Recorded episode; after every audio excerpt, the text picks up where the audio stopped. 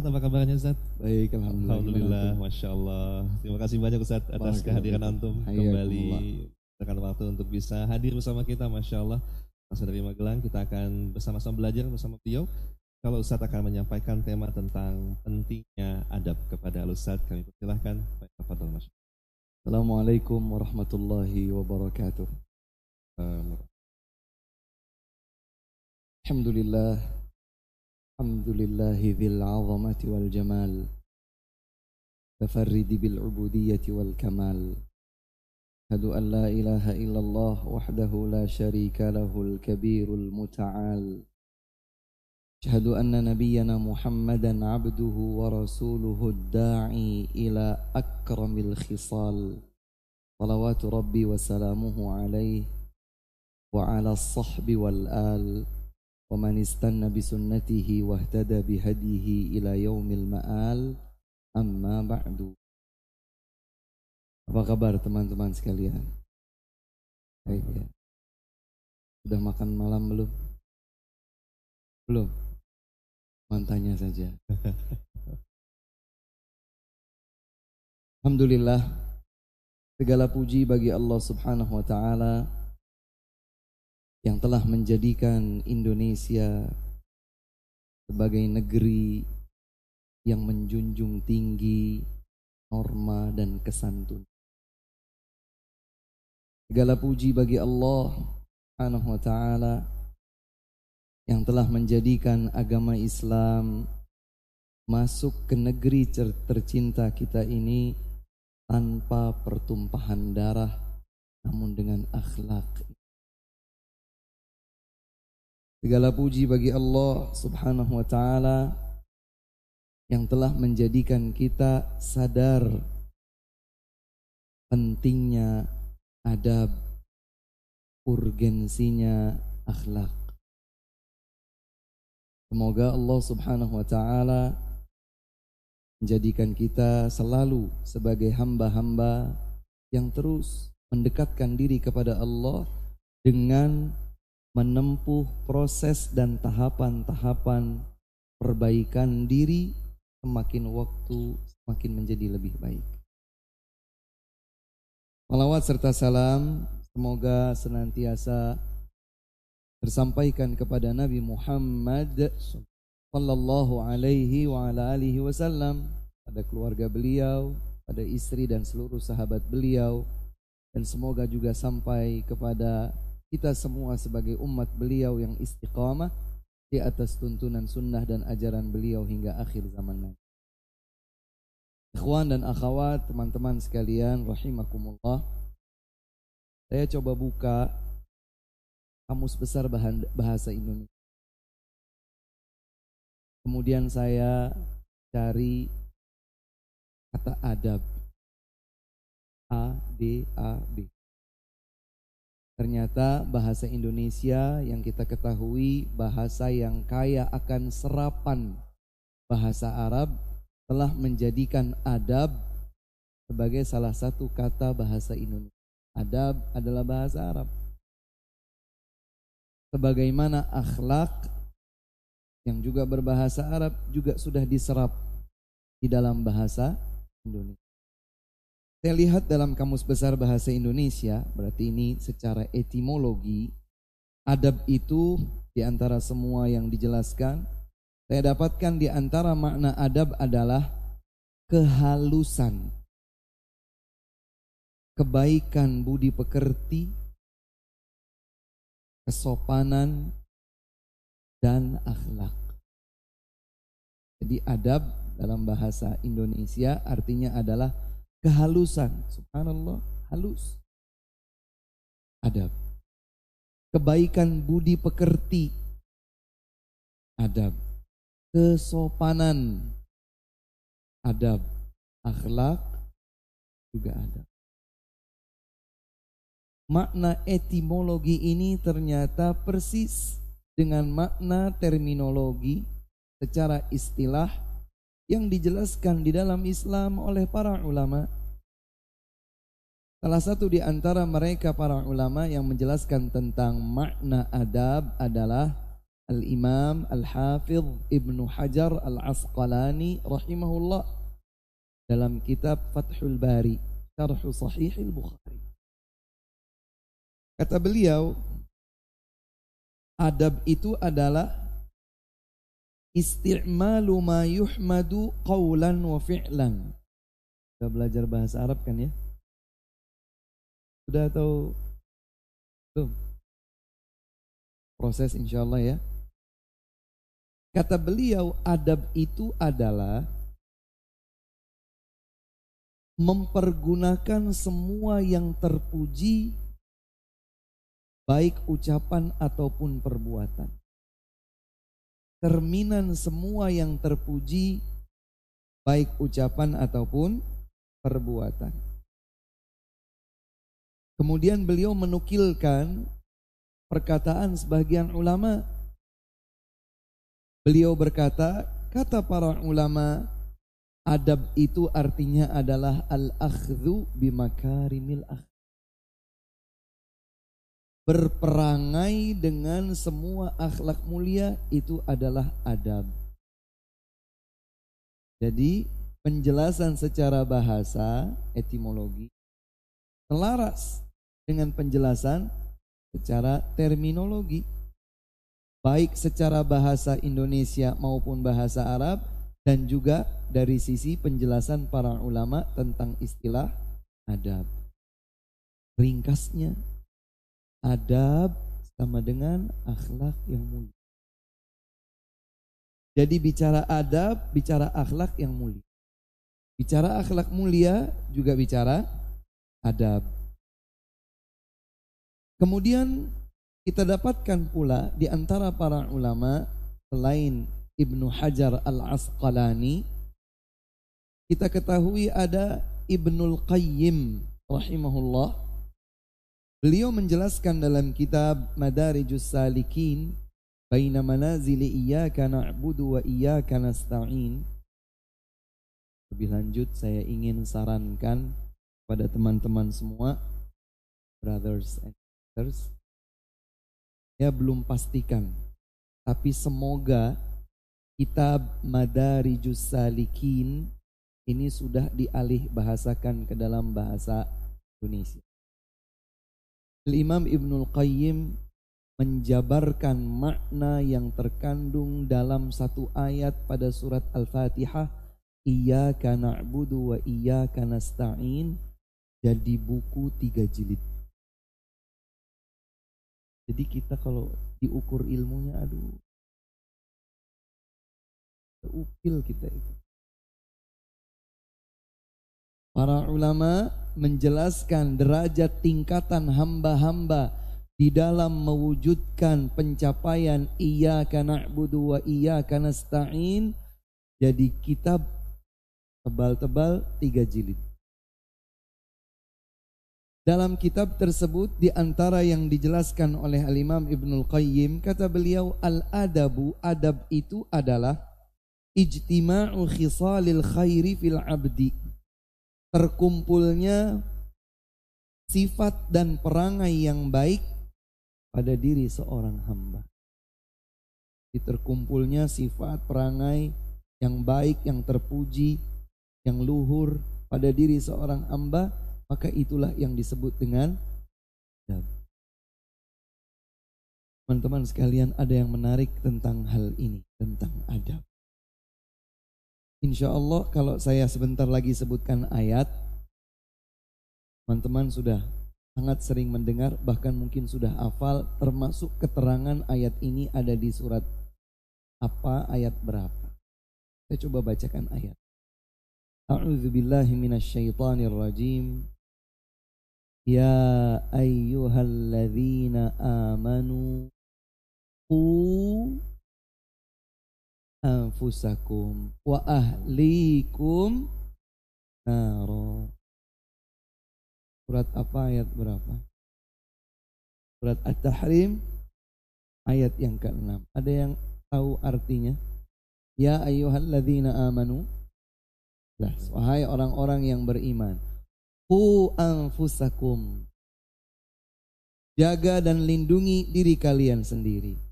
wa ahlikum dan anggota keluarga kalian nar dijaga dan dilindungi dari apa? Dari neraka.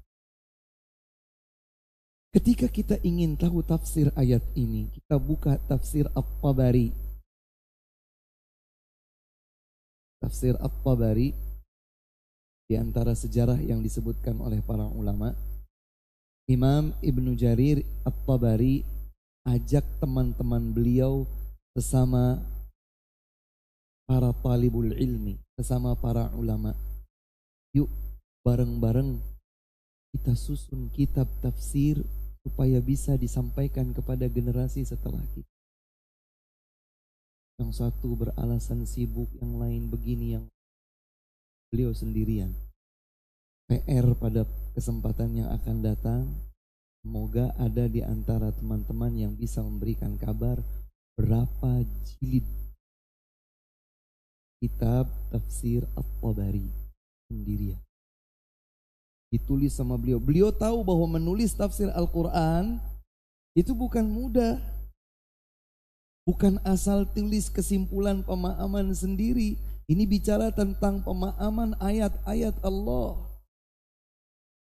Kalau salah berarti seakan-akan dia berkata maksud Allah dalam ayat ini adalah A. Kalau keliru dosanya besar. Maka beliau ajak yang lain, yuk, yuk, yuk.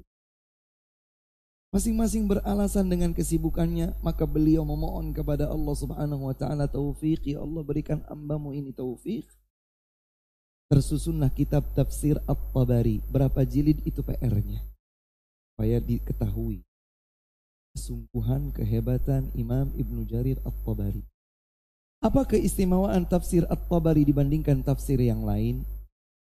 Imam Ibnu Jarir At-Tabari keistimewaannya di dalam tafsir adalah setiap kali menukilkan tafsir sebuah ayat misalnya Alhamdulillahi Rabbil Alamin. Maksud dari ayat ini pada kata-kata alhamdu al alif lamnya maksudnya adalah al al istighraq yang artinya seluruh segala semua yang memahami makna tersebut alhamdulillahnya maknanya adalah keseluruhan semua segala. Dengan makna tersebut adalah sahabat Ibnu Abbas. Riwayatnya kemudian beliau riwayatkan. Qala haddatsana fulan qala haddatsana fulan qala haddatsana fulan An Ibni Abbas beliau berkata alhamdu maksudnya adalah api. Riwayat kedua, riwayat ketiga, riwayat keempat. Pendapat yang lain riwayat satu, riwayat dua, riwayat tiga, riwayat empat. Pendapat ketiga riwayat satu, riwayat dua, riwayat tiga. Tiap satu kan. Bisa dibayangkan Kalau kita ingin lihat tafsir ayat ini dalam tafsir Ibnu Jarir At-Tabari, catat dulu dalam surat At-Tahrim, surat ke-66, ayat 6. Di salah satu riwayat yang dinukilkan oleh Ibnu Jarir At-Tabari adalah tafsir dari Ali ibnu Abi Talib radhiyallahu anhu. Kenal Ali ibnu Abi Talib kenal? Siapa beliau? Hah? Sahabat, iya jelas sahabat. Dan dibacakan radhiyallahu anhu sahabat. Lalu apalagi yang kita kenal, kita ketahui tentang Ali? Hah? Pupu? Pupu? Atau keponakan?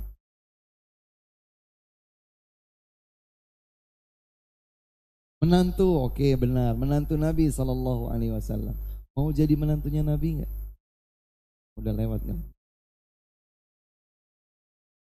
Sepupu Rasul Sallallahu Alaihi Wasallam yang terpaut usia jauh, yang pertama kali masuk Islam dari kalangan anak-anak kecil dan seterusnya. Ali berkata, Ku anfusakum wa ahlikum nara maknanya adalah alimuhum wa addibuhum. Menjaga dan melindungi anggota keluarga dari ancaman siksa neraka adalah dengan mengajarkan mereka ilmu dan menanamkan mereka adab. Yang nikah angkat tangan, yang sudah nikah angkat tangan. Belum banyak. Masya Allah. Wahai para suami yang sudah menikah. Wahai para calon suami. Camkan ayat ini baik-baik. Allah subhanahu wa ta'ala memanggil kita semua atas nama iman. Atas nama apa? Iman. Kalau kita terpanggil memiliki iman, maka perhatikan baik-baik ayat ini. Orang sahabat bernama Abdullah bin Mas'ud berkata, "Idza sami'ta Allah yaqul ya ayyuhalladzina amanu far'ihi sam'ak." Jika engkau dengar ayat diawali dengan ya ayyuhalladzina amanu, maka dengarkan dengan seksama. Fa innahu amrun yu'maru bihi au nahyun yunha anhu. Karena setelah panggilan iman itu pasti ada satu di antara dua, perintah atau larangan. Dengarkan dengan baik. Allah panggil atas nama iman. Ada perintah atau ada larangan? Allah berfirman, "Ku anfusakum." Jagalah diri kalian. Berarti perintah atau larangan? Perintah. Perintah serius. Jaga dan lindungi diri kalian, jaga dan lindungi anggota keluarga kalian. Bagaimana caranya? Apa action yang harus dilakukan kalau kita ingin menjaga dan melindungi anggota keluarga kita dari ancaman siksa neraka? Ali ibnu Abi Talib, seorang sahabat, satu di antara sekian sahabat generasi terbaik umat ini yang paling paham tentang ayat Al-Quran, Beliau menjelaskan menjaga, melindungi anggota keluarga dari ancaman siksa api neraka adalah dengan mengajarkan mereka ilmu agama, menanamkan mereka adab. Jadi sudah dibahas apa maknanya. Waduh, Ustaz, PR saya besar. Benar. PR kita semua besar. Sebelum saya tanamkan adab, berarti saya harus Ya, adab terlebih dahulu. Dakli, tepat. Kalau kita membayangkan kita punya keluarga atau akan berkeluarga, satu di antara PR besar kita adalah berbekal diri dengan ilmu agama dan adab. Maka sangat memprihatinkan bila di zaman milenial seperti sekarang ini, di mana banyak orang berkata sekarang adalah zaman yang serba cepat, serba instan, serba teknologi serba segala macam kalau tidak dibentengi dengan ilmu agama dan adab yang mulia. Semua musuh Islam tahu bahwa kekuatan dan kejayaan umat Islam ini bertumpu pada generasi muda. Para ulama menjelaskan yang disebut pemuda itu sejak usia akil balik sampai usia 40. Jadi yang belum sampai 40 maka merasa mudalah.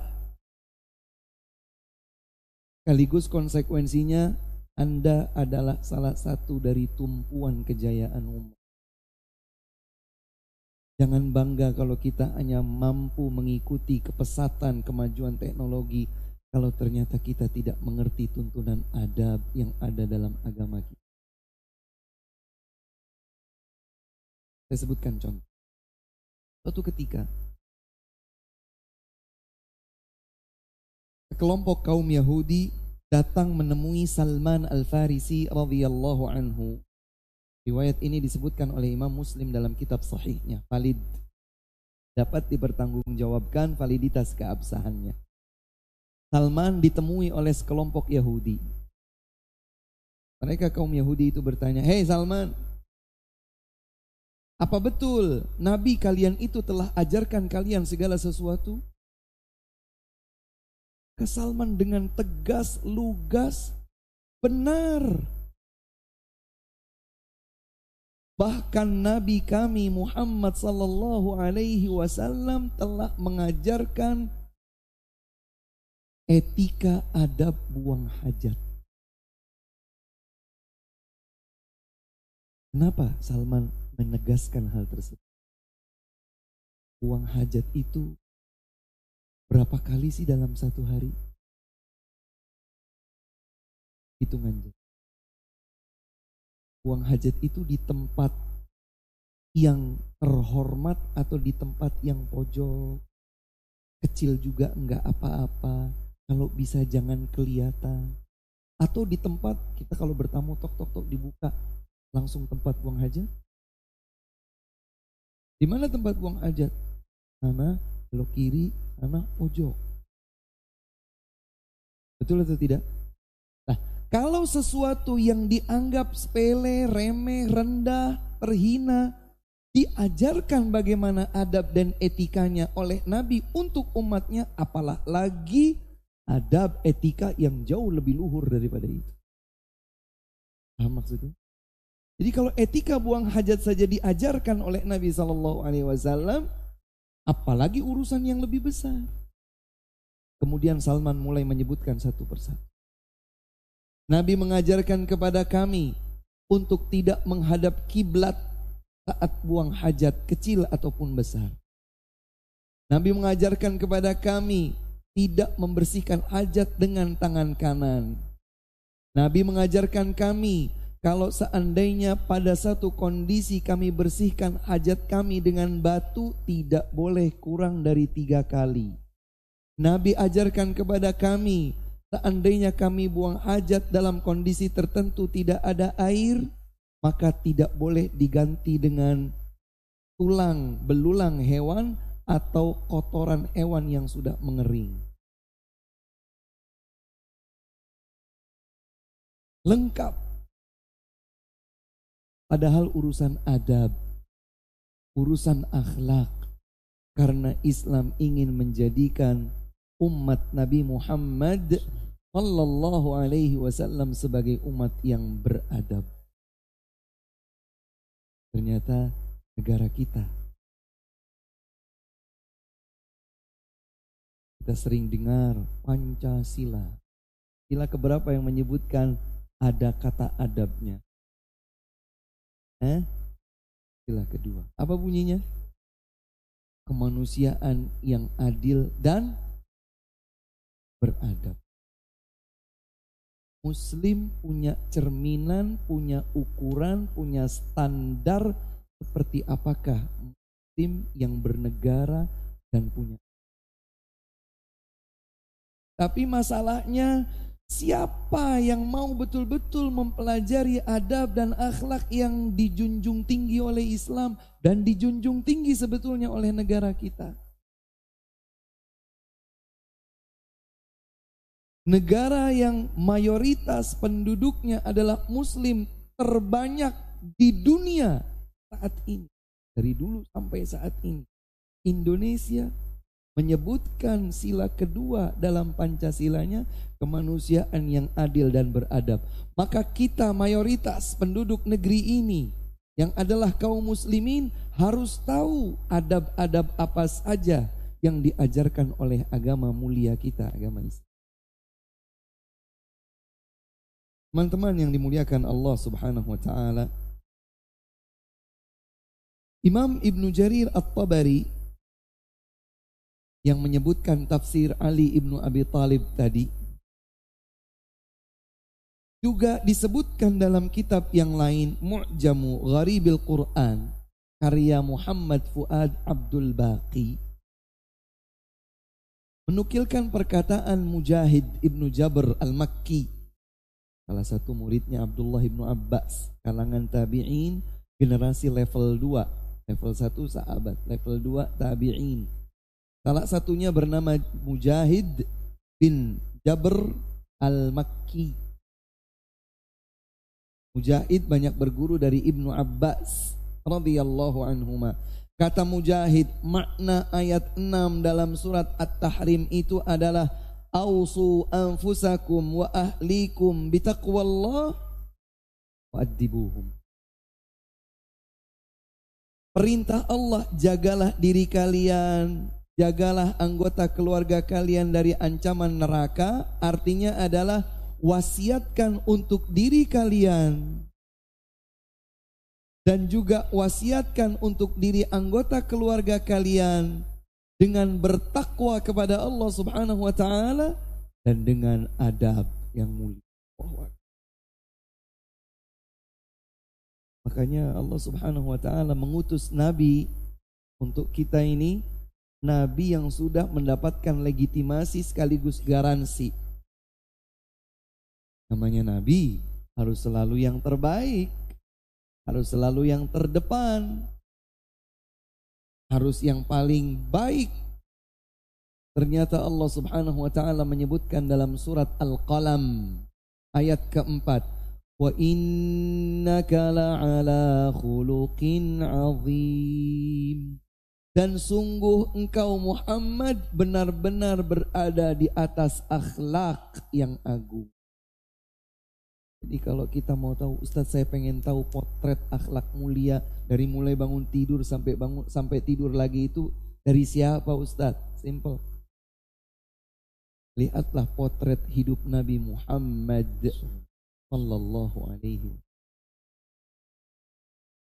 Makanya ada seseorang yang datang bernama Sa'ad ibnu Hisham ibnu Amir datang menemui ibunda kaum mukminin yang kita cintai bersama Aisyah radhiyallahu anha istri Nabi sallallahu alaihi wasallam satu dari itu satu satu satunya wanita satu dari tujuh sahabat yang paling banyak meriwayatkan hadis dari Nabi Muhammad sallallahu alaihi wasallam. Saya tidak tahu apakah teman ini yang pernah mengikuti eh, kajian-kajian eh, rutin ini terus selalu ataukah mungkin ada juga yang baru-baru dan saya berpikir ada level ilmu yang bertambah terus. Maka maklumat yang disampaikan juga lebih berbobot insya Allah. Catat dengan baik ada tujuh sahabat dari ribuan sahabat ada tujuh sahabat yang paling banyak meriwayatkan hadis dari Nabi Muhammad sallallahu alaihi wasallam. Semuanya laki-laki kecuali satu wanita beliaulah. Kata cepat yang pertama adalah Abu Hurairah. Yang kedua adalah Ibnu Umar. Yang ketiga adalah Anas bin Malik. Yang keempat di posisi paling tengah Aisyah. Yang kelima Abdullah bin Abbas. Yang keenam Jabir bin Abdullah Al-Ansari. Jabir bin Abdullah Al-Ansari. Yang ketujuh Abu Sa'id Al-Khudri. Abu Sa'id Al-Khudri radhiyallahu anhu. Tepat. Seorang bernama Sa'ad bin Hisham bin Amir datang menjumpai Aisyah. Wahai ibunda, aku tidak berjumpa dengan Nabi. Kabarkan kepadaku, kisahkan untukku seperti apakah dahulu akhlak Nabi sallallahu alaihi wasallam. Maka ibunda Aisyah radhiyallahu taala anha bertanya, "Kamu baca Quran enggak?" Tentu saja jawabannya pasti. Pasti saya baca Quran. Pernah baca firman Allah Subhanahu wa taala, "Wa innaka la'ala khuluqin 'azim." Ayat 4 dalam surat Al-Qalam. Pernah Bunda? Kemudian kata ibunda Aisyah radhiyallahu anha, "Kanan nabiyyu" Maka nabi itu akhlaknya adalah Al-Qur'an. Al-Qur'an berjalan. Semua kebaikan yang dituntunkan oleh Allah dalam Al-Qur'an dijalankan oleh Nabi Sallallahu Alaihi Wasallam. Semua larangan Allah yang ditetapkan dalam Al-Quran dijauhi oleh Nabi Sallallahu Alaihi Wasallam. Adab yang berjalan pada diri beliau adalah al Jadi kalau kita mau tanya, mau tahu bagaimana Ustadz beradab yang baik, beradab yang mulia, yang sempurna, lihatlah beliau Rasulullah Sallallahu Alaihi Wasallam. Maka tidak heran sering kita mendengar ayat yang menyebutkan bahwa Nabi Sallallahu Alaihi Wasallam dijadikan sebagai uswah, uswatun hasanah. Apa artinya uswatun hasanah? Teladan yang terindah, teladan yang terindah. Satu saja mungkin kita belum bisa belum bisa berbuat, terutama yang sudah menikah. Nabi Shallallahu Alaihi Wasallam dulu kalau masuk rumah itu bersiwak. Artinya memastikan bau mulut beliau ketika nanti berbincang dekat dengan istri tidak tercium aroma busuk. Harus Siapa dari kita yang sudah melakukannya rutin setiap mau masuk rumah sudah pasti mulutnya wangi ketika ngobrol dekat dengan istri cium pipi istri wangi. Saya sebutkan contoh kedua. Nabi Shallallahu Alaihi Wasallam tidak pernah terlihat oleh siapa pun kecuali tersenyum. Kita rasanya mau tersenyum ini mahal. Bahkan kita lupa seperti apa bentuk posisi otot pipi saya saat saya tersenyum. Baru kita sadar saat kita bercermin, oh ternyata seperti ini bentuk otot pipi saya saat tersenyum. Tertarik ke kanan dan ke kiri. Berarti sehari-hari saya yang tidak merasakan seperti ini saya tidak tersedang tersenyum. Nabi Shallallahu Alaihi Wasallam selalu terlihat tersenyum. Maka adab, akhlak yang diajarkan oleh Islam bukan sekedar teori, sudah betul-betul konkret ada contohnya 23 tahun lamanya dialah Rasulullah Sallallahu Alaihi Wasallam Bahkan sebelum kenabian semua Quraisy mengakui, semua penghuni Mekah mengakui tidak ada yang akhlaknya sebaik Muhammad sallallahu alaihi wasallam. Sehingga pertama kali diangkat menjadi nabi, teman-teman. Nabi bertanya dulu, "Apakah kalau aku menyampaikan sesuatu kalian percaya?" Jawaban mereka sontak serempak, kami tidak pernah mendapatkan engkau berdusta sekalipun wahai. Sekali nggak pernah 40 tahun. Sekarang usianya berapa? Berapa ratus bahkan mungkin berapa ribu kali kita. Dusta ringan, dusta sedang, dusta berat. Dusta sama orang terdekat, mungkin ayah ibu kita. Mungkin istri, suami kita, mungkin anak-anak kita. Berapa? Maka Nabi Shallallahu Alaihi Wasallam mendapatkan julukan As-Sadiqul Amin, jujur dan dapat dipercaya. Orang kalau mau safar, orang-orang Quraisy kalau mau safar, mereka kan safarnya jauh. Mereka punya rihlatus syita, rihlatus saif. Mereka berdagang, orang Quraisy itu kulturnya berniaga. Mereka berniaga ke arah barat yaitu ke negeri Syam atau ke arah timur ke Yaman. Kalau mereka mau bepergian, mereka tidak pusing. Kita kalau kalau teman-teman pernah umroh, pernah haji atau belum, saya doakan semoga semuanya dimudahkan oleh Allah Subhanahu wa taala haji dan umroh dalam waktu kita lihat di di apa namanya di dekat pagar masjid itu ada kotak-kotak penyimpanan. Dijamin aman begini begitu dan seterusnya. Dulu safety boxnya seluruh penduduk Mekah adalah Muhammad ibn Abdullah Sallallahu alaihi Muhammad saya mau safar titip ya, dijamin tidak ada yang berkurang. Bukan satu dua orang yang nitip semuanya kalau mau safar titip sama Muhammad Sallallahu Alaihi Wasallam. Dan tidak pernah ada kasus sekali bertukar, bergeser, berkurang. Ya. Amin. dipersiapkan oleh Allah Subhanahu wa taala bahkan sebelum diangkat menjadi nabi di usia 40 tahun dia ini adalah sosok yang sempurna.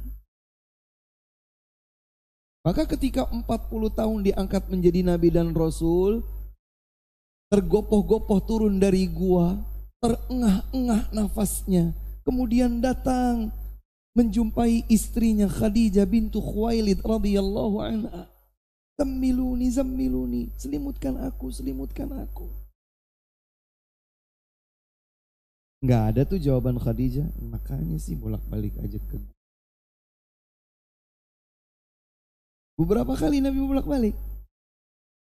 Menyendiri, menjauh dari dahsyatnya keburukan kesyirikan. 360 berala bergantung di dinding Ka'bah. Nabi puyeng lihat itu. Maka Nabi menjauh. Bawa perbekalan sehari, dua hari, sekian hari habis. Menyendiri, beribadah kepada Allah Subhanahu wa taala, berzikir mengingat Allah Subhanahu wa taala, perbekalan habis pulang lagi. Khadijah perbekalannya habis. Enggak ada satu riwayat menyebutkan lagi yang bikin repot aja. Enggak ada. Diberesin lagi perbekalan yang ada, dikasih lagi. Bolak balik seperti itu sampai pada akhirnya selimuti aku, selimuti aku. Gak ada ucapan rasain, tanya.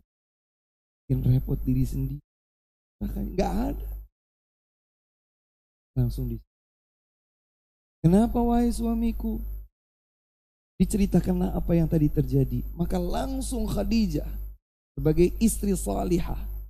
Wallahi ma yukhzikallahu abadan. Demi Allah, Allah subhanahu wa ta'ala, aku yakin Allah subhanahu wa ta'ala tidak akan menyia-nyiakan engkau wahai Muhammad. Aku bersumpah atas nama Allah. Aku yakin sepenuh hati. Allah tidak akan menelantarkanmu.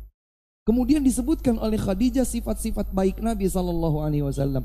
Engkau itu selalu menyambut baik tamu, menyantuni orang miskin, memberikan makan orang yang kelaparan, menyambung tali silaturrahim, mengembalikan kezaliman kepada pemiliknya. Akhlak-akhlak mulia disebutkan. Belum jadi nabi, beliau sudah dikenal sebagai seorang yang berakhlak. Teman-teman yang dimuliakan Allah Subhanahu wa taala, maka Islam adalah agama yang sempurna mengajarkan akhlak.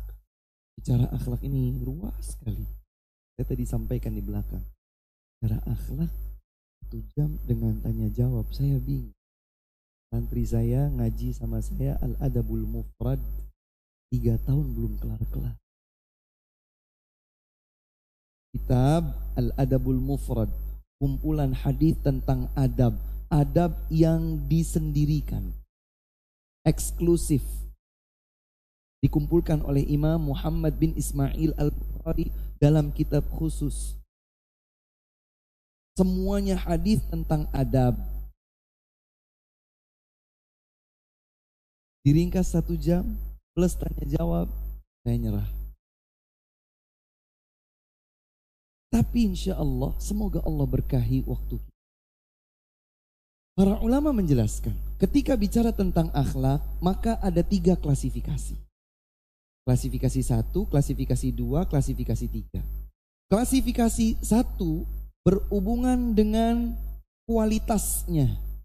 Maka adab atau akhlak dilihat dari kualitasnya ada dua macam.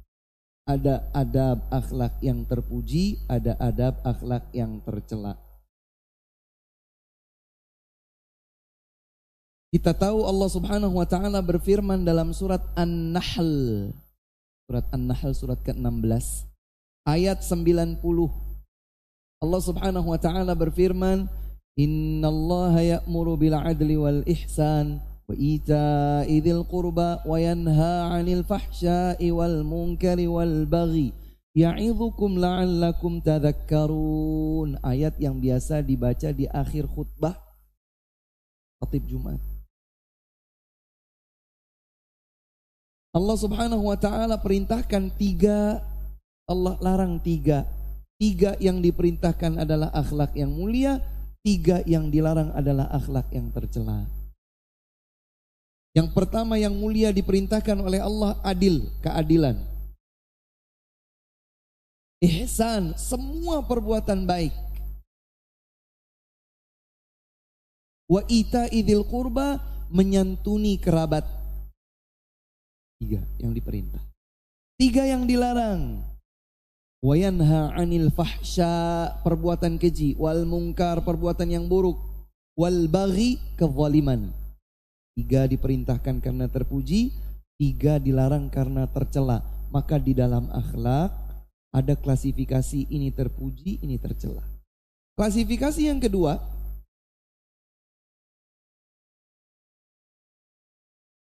ada akhlak jibiliyun waktisabiyun. Apa itu Ustaz?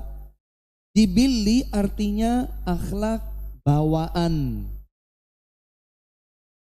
Perangai bawaan. Ada orang sejak kecilnya sampai tuanya pemarah. Tersinggungan. Gak bisa kalem. Ada sebaliknya. Orang sejak kecil sampai usianya 40, sampai usianya 50, Masya Allah, pemaaf. Mudah memaafkan orang. Gampang untuk memberikan maklum uzur kepada orang. Ini akhlak bawaan. Nanti satu persatu akan ada dalilnya biiznillah. Yang kedua, iktisabiyun dilatih Jadi ada akhlak bawaan, ada akhlak yang dilatih.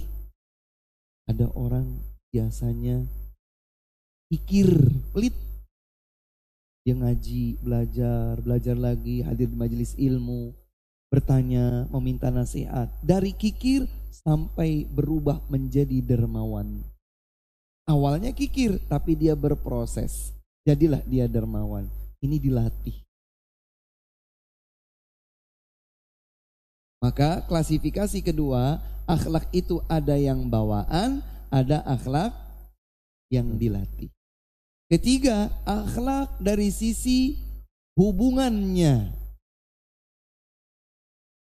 Maka akhlak itu ada yang berhubungan dengan Allah, berakhlak pada Allah. Dua, berakhlak kepada diri sendiri. Tiga, akhlak kepada makhluk Allah yang lainnya. Makhluk Allah yang lain nanti luas. Pada orang tua, ayah, ibu, pada istri atau suami, pada anak, pada orang yang lebih tua, pada yang lebih muda, pada tetangga, pada sahabat, pada kerabat, pada seorang guru, pada murid, pada pimpinan, pada bawahan, pada orang merdeka, pada budak, luas makhluk ini baru manusia berakhlak kepada hewan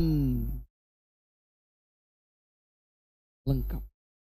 Berakhlak kepada musuh. Lengkap. Pertanyaannya sekali lagi mau kita pelajari atau tidak? Mau menjadi generasi yang beradab atau tidak? Itu pertanyaan penting yang harus kita jawab masing-masing. Tadi sudah dibahas, ku anfusakum wa ahlikum nar. Ausu anfusakum wa ahlikum. Berikan wasiat untuk diri sendiri dan juga anggota keluarga dengan apa? Dengan ilmu agama, dengan takwa kepada Allah dan dengan adab akhlak yang mulia. Teman-teman yang dimuliakan Allah Subhanahu wa taala, maka kita coba kembali ke atas. Akhlak itu ada yang baik, ada yang buruk. Saya tadi dengar di awal saat pembukaan ada doa keluar rumah yang memang belum terlalu umum seperti doa yang sudah umum dihafal.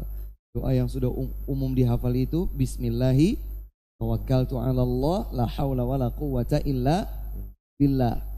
Ada doa lain yang disebutkan bahwa Nabi SAW mengajarkan ketika beliau keluar rumah beliau melihat ke arah atas kemudian membaca Allahumma inni a'udzubika an adhilla au udalla au azilla au uzalla au adlima au udlama au ajhala au yujhala alayya. Sudah hafal kan?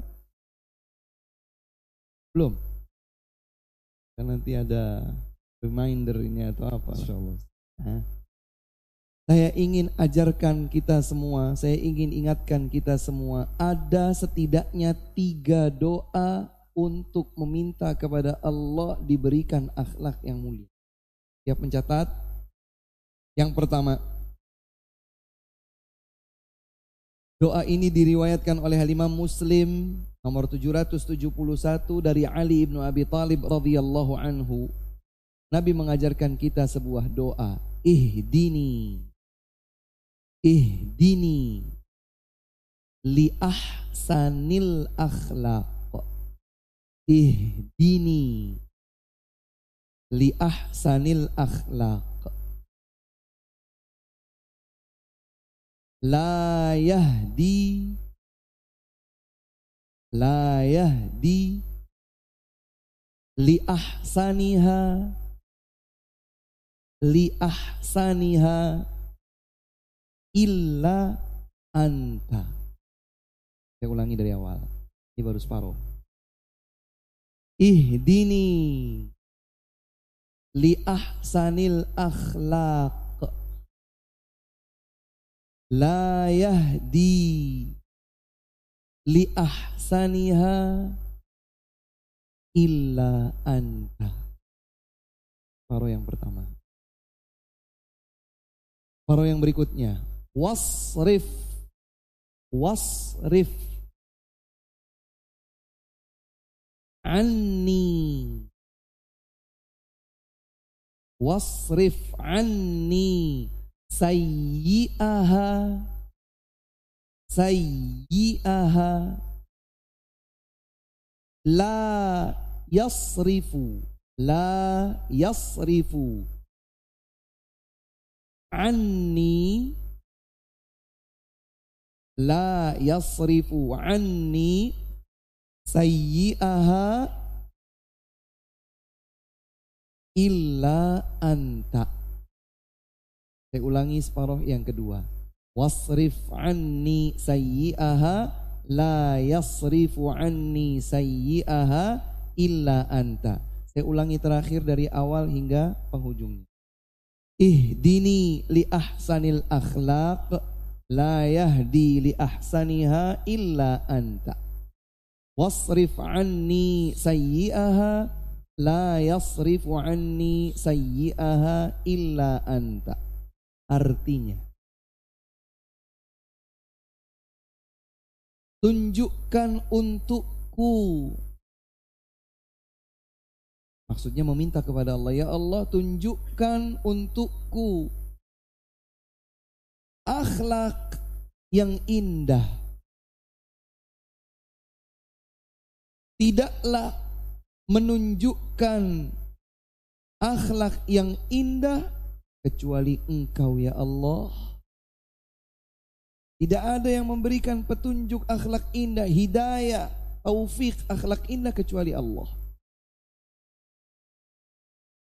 Kemudian separuh yang terakhir dan jauhkan dariku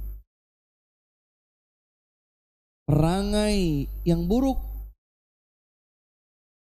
tidak ada yang menjauhkannya dariku kecuali engkau. Ya Allah saya share kepada ya.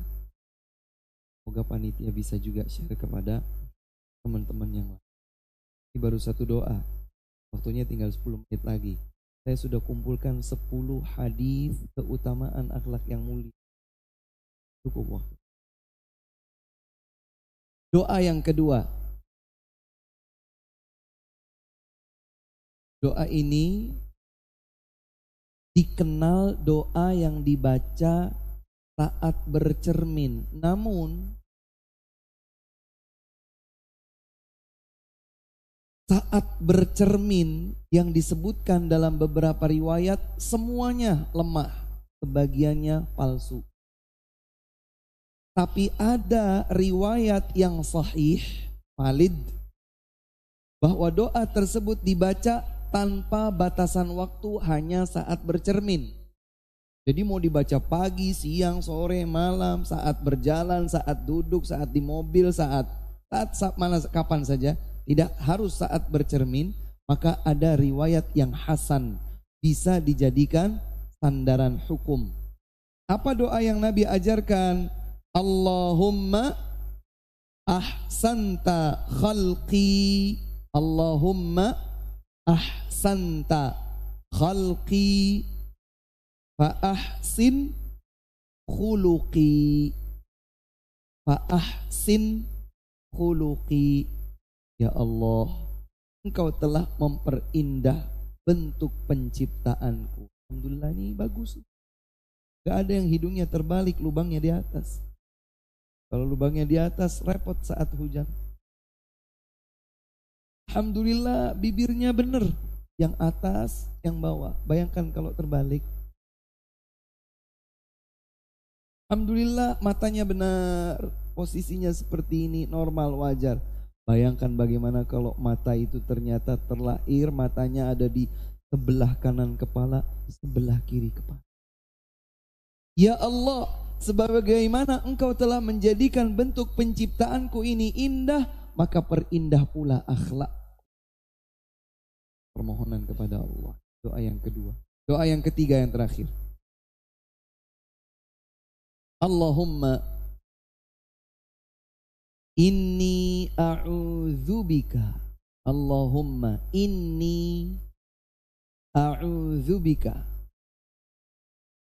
begitu disebutkan akan di-share makin banyak yang tak menulis nunggu share aja udah Ustaz nanti udah di-share dihafal ya. Diamalkan. Allahumma inni a'udzubika min munkaratil akhlaqi. Munkaratil akhlaqi.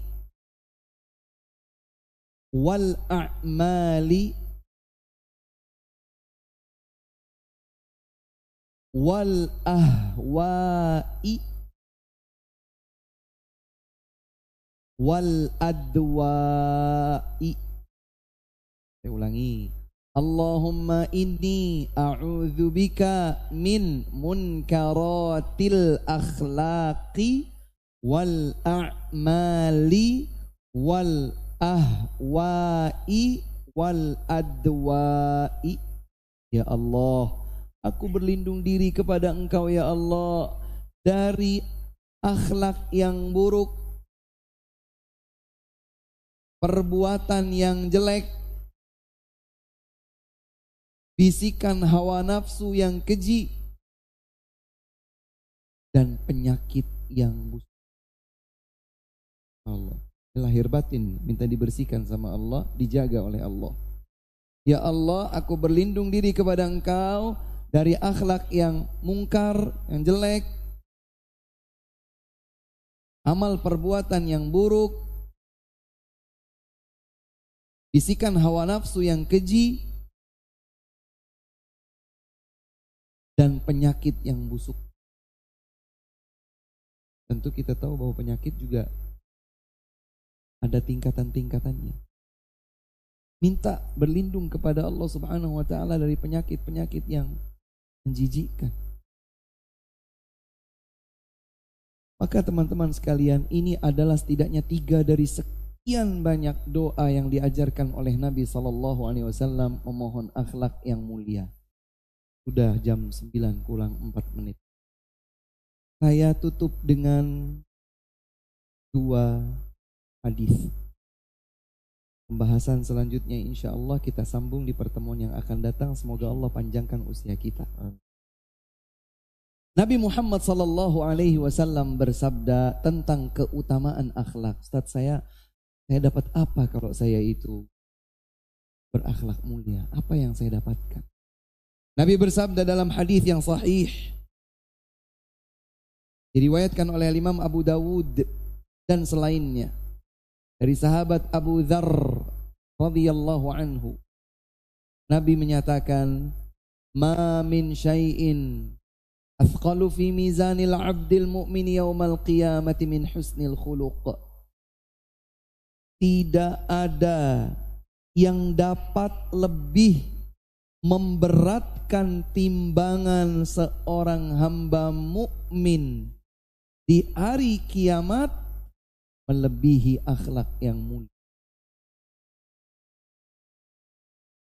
Di hari kiamat akan ada mizan, timbangan. Walahu kifatan, dia punya dua piringan. Ini Allah berfirman dalam surat Al-Qari'ah, "Fama thaqulat mawazinuhu fahuwa fi 'ishatir radiyah." Siapa saja yang timbangan amal berat, amal salihnya lebih berat, maka dia berada di kehidupan yang bahagia di dalam surga. Wa man khaffat mawazinuhu fa hawiyah. Berarti ada timbangan di hari kiamat. Timbangan ini akan menjadi standar ukuran di hadapan Allah Subhanahu wa taala. Yang timbangan amal kebaikannya lebih berat, kabar gembira baginya masuk surga. Sebaliknya, kalau timbangan amal buruknya yang lebih berat, gigit jari siap-siap merasakan beratnya siksa. Maka Nabi Muhammad sallallahu alaihi wasallam mengajak kita untuk termotivasi paham tentang urgensi adab pada hidup seorang muslim dan muslimah. Beliau bersabda, tidak ada yang dapat memberatkan timbangan amal seorang hamba di hari kiamat lebih daripada akhlak yang mulia. Makanya kalau berakhlak mulia niatkan Jangan sekedar itu adalah tradisi.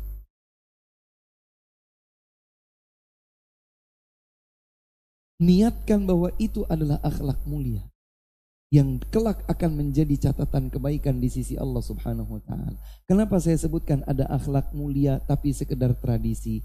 Misalnya di di daerah, katakanlah di Jawa di di daerah ya. Salah satu tradisi adat kebiasaan yang terpuji pada mereka itu Masya Allah kalau menyambut tamu luar biasa. Mereka menjamu semampu mungkin. Meskipun yang mereka jamu hanya sederhana. Tapi bagi mereka itu sudah yang terhebat yang bisa mereka lakukan. Mereka menjamu tamu. Dan mereka punya persepsi. Aib besar bagi mereka kalau ada tamu tidak dijamu, tidak disambut dengan baik. Ini tradisi yang baik atau tidak? Islam mengajarkan akhlak itu jangan terhenti pada sebuah tradisi. Islam mengajarkan kita untuk menjamu tamu dalam rangka mewujudkan iman. Man kana yu'minu billahi wal yawmil akhir falyukrim dhaifahu. Siapa yang beriman kepada Allah dan hari akhir, hendaklah dia memuliakan tamunya. Jadi memuliakan tamu dalam rangka mewujudkan iman. Bukan memuliakan tamu karena takut omongan orang, aib tidak memuliakan tamu. Jadi ini akhlak mulia tapi sebatas tradisi. Jangan. Berakhlaklah mulia untuk bisa menjadi pemberat timbangan kebaikan kita di hari kiamat. Yang terakhir, hadis yang semoga memotivasi kita.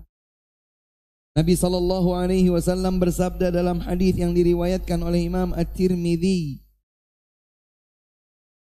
Dan Imam Ahmad dari Abu Hurairah radhiyallahu anhu Nabi bersabda akmalul mu'minina imanan ahsanuhum khuluqa wa khiyarukum khiyarukum li ahlihi mukmin yang paling sempurna imannya, mukmin yang paling sempurna imannya adalah yang paling mulia akhlaknya. Bayangkan bahwa kita semua anggaplah yang hadir di sini, anggaplah seribu orang anggap begitu. Semuanya mukminin. Ini baru di satu masjid. Muncul pertanyaan, siapa yang paling sempurna imannya? Nabi standarkan, wahyu dari Allah Subhanahu wa taala Nabi bersabda, yang paling sempurna imannya di antara kaum mukminin adalah siapa saja yang akhlaknya paling mulia. Oh Ustaz, jadi pengen tahu akhlak mulia itu apa? Bagus. Jadi harus tahu mulai dari senyuman, mulai dari sapaan, mulai dari salam, mulai dari memuliakan yang lebih tua, menyayangi yang lebih muda, membantu yang kesusahan, peduli kepada orang lain, menjadi orang yang terdepan saat mendengar suara hiruk pikuk Dahulu Nabi Shallallahu Alaihi Wasallam ketika mendengar suara dentuman keras, beliau orang yang paling pertama mendekat kepada suara itu, berharap jangan sampai ada musibah tertimpa kepada kaum muslim.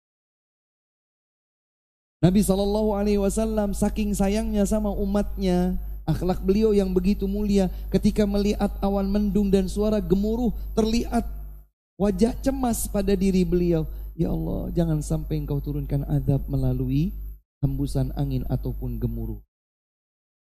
Begitu turun hujan normal biasa langsung lepas cemas beliau berubah menjadi ceria, bahagia.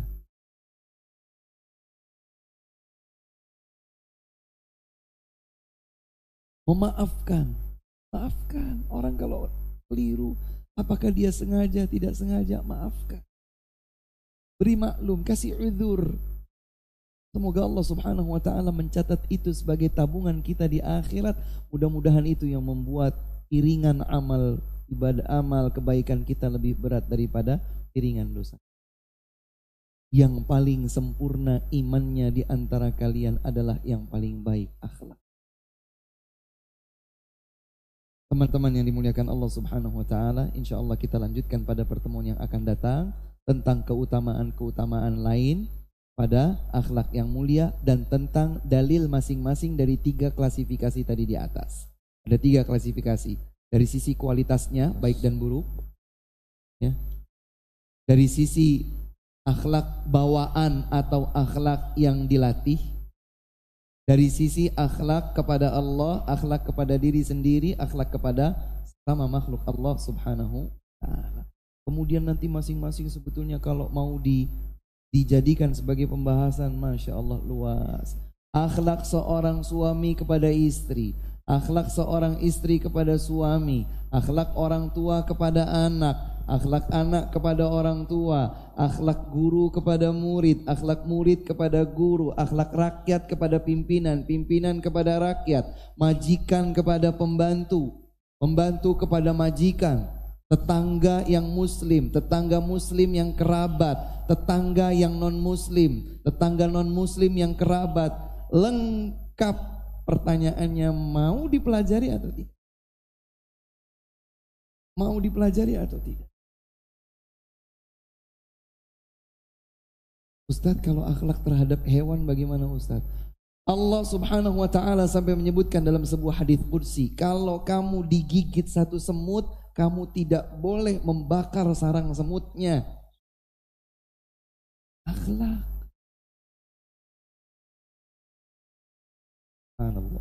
Maka semoga Allah Subhanahu wa taala menganugerahkan kepada kita semua ilmu yang bermanfaat, akhlak yang mulia, ketakwaan dan istiqomah di atas ketaatan kepada Allah Subhanahu wa taala.